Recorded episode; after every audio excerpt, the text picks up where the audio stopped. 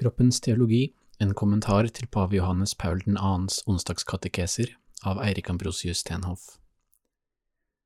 Totus tuus ego sum, et omnia mea tua sunt, archipio te in mea omnia, prebe mi cor tum Maria. Episode 8 Fordypning Metafysikk og fenomenologi i kroppens teologi. Del 3 Selvbestemmelse og helhet i kroppens teologi. Karol Wojtyvas personalisme er et forsøk på å integrere to dimensjoner ved menneskets eksistens. Den objektive dimensjonen, ontologi, og den subjektive dimensjonen, fenomenologi. Moderne filosofi har en tendens til å ensidig vektlegge den subjektive dimensjonen, ved å absolutere menneskets bevissthet.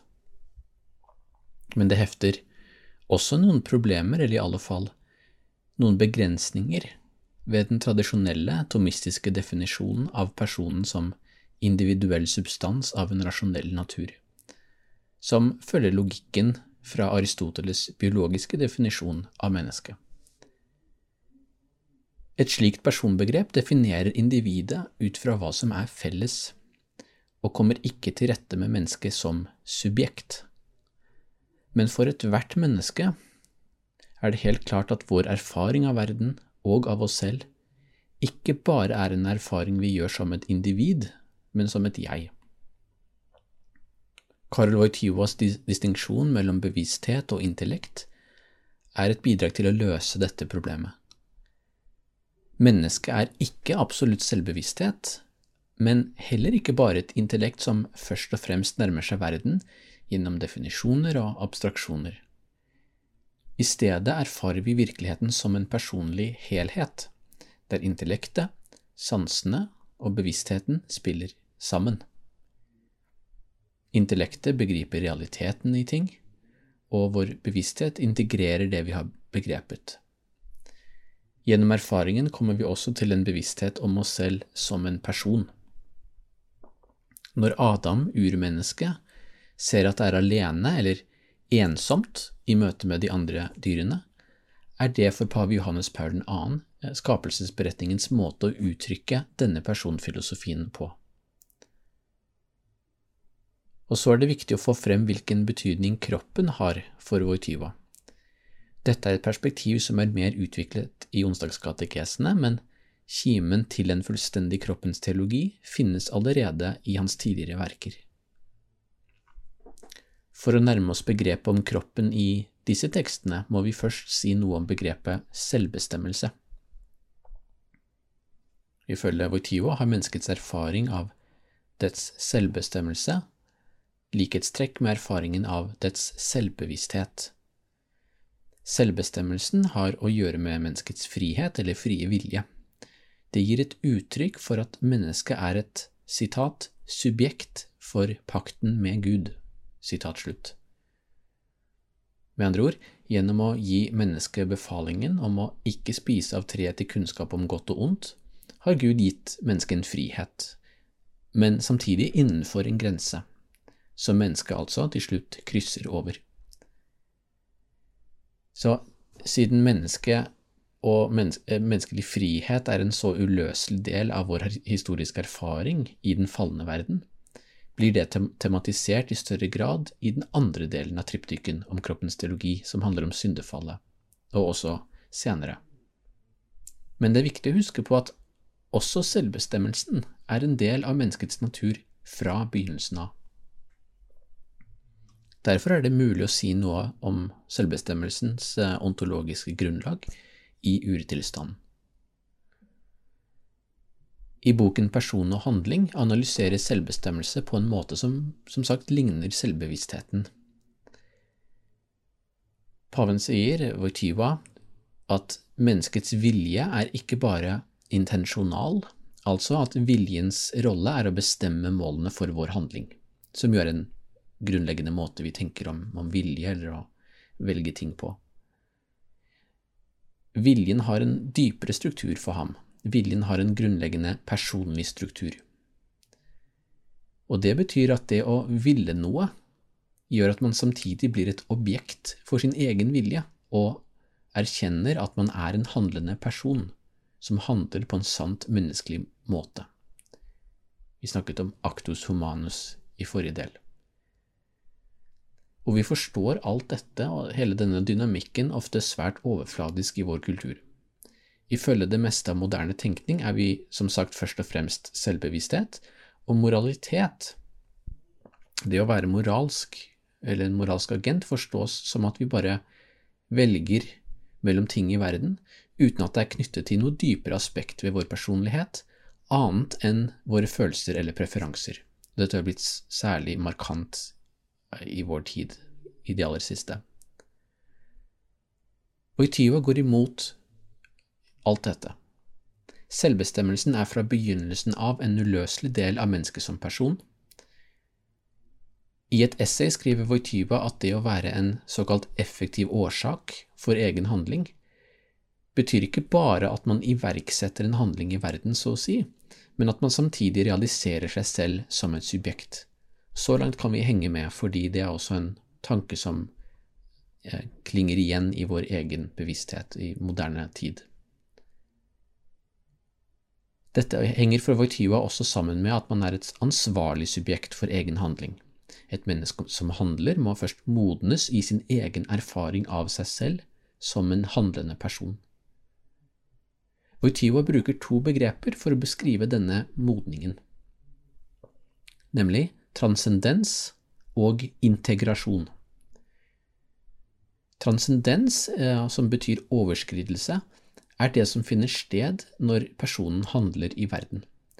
Hver gang jeg handler, overskrider jeg meg selv, ifølge Voityva, på to distinkte måter, som henger sammen, i en horisontal forstand og en vertikal forstand. Dette kan forstås nokså enkelt. Horisontal transcendent er egentlig knyttet til det vi har snakket om hittil. Det er knyttet til måten vi har beskrevet Wojtyvas realistiske syn på ontologi. Altså, det betyr at mennesket overskrider seg selv i møte med objektene i verden. Og det går altså imot Descartes' bevissthetsfilosofi, som sier at erkjennelsen av verden først og fremst er bevissthetens erkjennelse av seg selv, cogito ergo sum, og ikke av tingene. Og denne horisontale transcendens er altså en forutsetning for den vertikale transcendens. Og den vertikale transcendensen har å gjøre med mennesket som moralsk aktør. For å forenkle dette en smule kan vi si at der den horisontale transcendens har å gjøre med intellektet, har den vertikale transcendens å gjøre med viljen. Men begge forutsetter selvsagt at det sanne og gode først er erkjent av intellektet. På dette området følger Voityva helt og holdent St. Thomas Aquinas. Intellektet må først begripe det gode og sanne, og så må viljen innrettes etter det. Men for Voityva har viljens valg av det gode også en videre betydning, og det har betydning for dannelsen av personen som subjekt. Igjen ligner dette på beskrivelsen av selvbevissthetens rolle. Så i valgsituasjonen i den situasjonen der jeg sier jeg vil gjøre dette eller jeg vil handle slik, konstituerer jeg meg selv som person i en vesentlig forstand, og her kan vi tenke på vår egen erfaring av det vi gjør. Når personens vilje er rettet mot et objekt, skriver Voityva, bestemmer det samtidig hvem det er som subjekt, altså det objektiverer meg som subjekt, som han vil si. Jeg er ikke bare den effektive årsaken til egen handling, men jeg skaper meg selv i en forstand. Han bruker disse ordene i et essay. Implisitt i dette er, for å tilføye noe til dette, er hvordan det her legges et fenomenologisk og ontologisk grunnlag for menneskets moralske og åndelige utvikling. For eksempel uttrykt i den klassiske dydsetikken. Et menneske som handler godt, danner en habitus, en, en vane, der det over tid blir det gode som det gjør. For Voityva kan mennesket aldri betraktes uavhengig av dets moralske kapasitet. Å være et menneske er alltid å være en moralsk agent. Derfor snakker han jo om person og handling, de to tingene må alltid ses sammen, og handlingen uttrykker personen. Å være et menneske er å være kalt til det gode, som et oppdrag, ikke bare å begripe verden gjennom fornuften eller bevisstheten, som så mye filosofi handler om. Dette er utgangspunktet for at Voityva snakker videre om integrasjon, og integrasjon kan kalles den passive dimensjonen av transcendens. Ordet integrasjon har med helhet å gjøre. Det mennesket som modnes i sitt kall som person, som en moralsk aktør, skriver Wojtyła, integrerer de ulike sidene av sin menneskelige eksistens til en helhet. Det behersker seg selv, det har råderett over seg selv. Denne selvbeherskelsen knytter Voitivo til Gaudium et spes 24 også. Bare den som behersker seg selv, kan gi seg selv på en desinteressert måte. Altså, for å kunne gi seg selv som gave, må man først komme til en moden erkjennelse av seg selv som en handlende person, og selv en gave. Man må erkjenne hva som er sant og godt, og lære å handle deretter. Så til slutt kommer vi til betydningen av kroppen i Votivos filosofi. For kroppen er nettopp en del av menneskets helhet, dets integrum. I onsdagskatekesene sier paven sitat, Mennesket er et subjekt ikke bare i kraft av dets selvbevissthet og selvbestemmelse, men også i kraft av dets egen kropp. Denne kroppens struktur er slik at den lar mennesket være opphavsmann til en autentisk menneskelig aktivitet. I denne aktiviteten gir kroppen uttrykk for personen. Som vi har sett tidligere, er grunntanken i kroppens teologi om at kroppen uttrykker personen, nært knyttet til Voitivas filosofiske premiss i person og handling. Handlingen uttrykker personen. I det foregående har vi forsøkt å si noe mer om hva det vil si at personen kommer til en erkjennelse av seg selv gjennom selvbevisstheten og selvbestemmelsen, altså i handling. Men hva vil det egentlig si at kroppen er et uttrykk for hva personen er? Vi må først si at selvbevisstheten og selvbestemmelsen naturligvis ikke bare er åndelige realiteter, men de leves alltid gjennom en konkret person, som er kropp og sjel. Men denne kropp-sjel-relasjonen er forstått som et skarpt skille, som vi har sett i moderne filosofi. I den aristotelisk-tomistiske filosofi, derimot, er sjelen og kroppen en ontologisk enhet, og sjelen opptrer som forma corporis, altså kroppens form, det som gir kroppens dens indre betydning, kan vi si. Wojtyła tar utgangspunkt i denne filosofien, men ønsker igjen å understreke og videreutvikle kroppens betydning som en personlig kropp. Hva vil det si at vi erfarer oss selv gjennom kroppen? Han skiller først mellom en ytre og indre dimensjon ved kroppen. Kroppen er for det første en ytre, altså en synlig realitet, og den er en bios, og den har biologiske funksjoner. Ofte begrenser moderne tenkning seg til denne dimensjonen eh, i et naturalistisk eller materialistisk perspektiv, men det gjør egentlig kroppen dypest sett uforståelig for oss, nettopp fordi kroppens betydning løsrives fra personens betydning.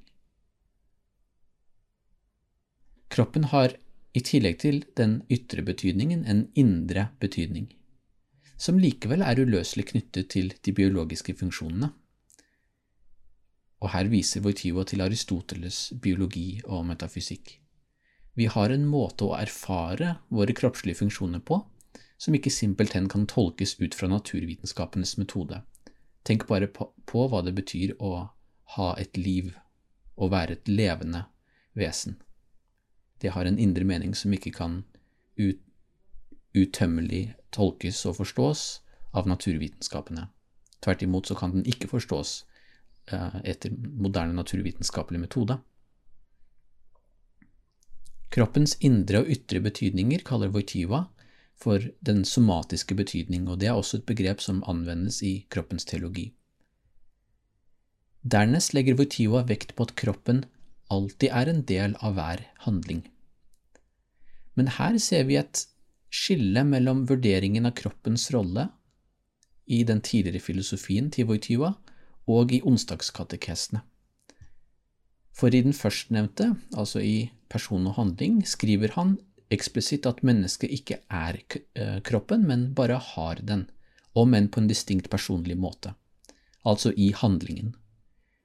I onsdagskatekesene synes det som om han går et skritt lenger i å identifisere mennesket som kropp, altså en person, av den enhet av kropp og sjel som det alltid fremtrer gjennom i verden. Mennesket er i sin egen kropp på en autentisk måte, og det er nettopp gjennom kroppen at vi er i stand til å virkelig være opphavsmann til sant menneskelig aktivitet, som vi siterte overfor. Poenget er til slutt dette, og det skal utdypes i senere episoder. Intet menneske, verken intellektet, selvbevisstheten, viljen, ingen av disse tingene kan eksistere uten gjennom ved kroppen. Vi kan til og med uttrykke det slik menneskets selvbevissthet og selvbestemmelse må erfares i verden gjennom en distinkt kroppslig måte. Altså ingen moralsk handling eller erkjennelse av verden kan egentlig realiseres uavhengig av kroppen, selv om vi forsøker å isolere eh, kroppen, eller isolere oss selv fra kroppen, i moderne tenkning. På denne måten kan vi også se betydningen av inkarnasjonen, caro cardo salutis. Gud kunne ikke komme til verden på en annen måte. Inkarnasjonen gir et sterkt uttrykk for menneskekroppens verdighet, og innebærer et kall til å hegne om den verdigheten og komme til en ansvarlig integrasjon av kroppen i hver person som er den kroppen. Dette utgjør det ontologiske og fenomenologiske fundamentet for kritikken av kunstige prevensjonsmidler. De forteller oss at kroppen er en dypest sett upersonlig størrelse som vi kan beherske gjennom teknologi, i stedet for å vektlegge det kristne kall til selvbeherskelse. Men det er nettopp denne selvbeherskelsen som gjør mennesket til en person. I den andre hoveddelen av katekesene skal vi se nærmere på den kristologiske betydningen av urtilstanden og kroppens teologi. I neste episode begynner vi den andre delen av triptyken om kroppens teologi. Den handler om tiden etter syndefallet, i lys av Jesu ord berg, i bergprekenen om ekteskapsbrudd i hjertet. Gloria Patri et Filio et Spiritui Sancto, sicut erat in principio et nunc et semper, et in secula secolorum. Amen.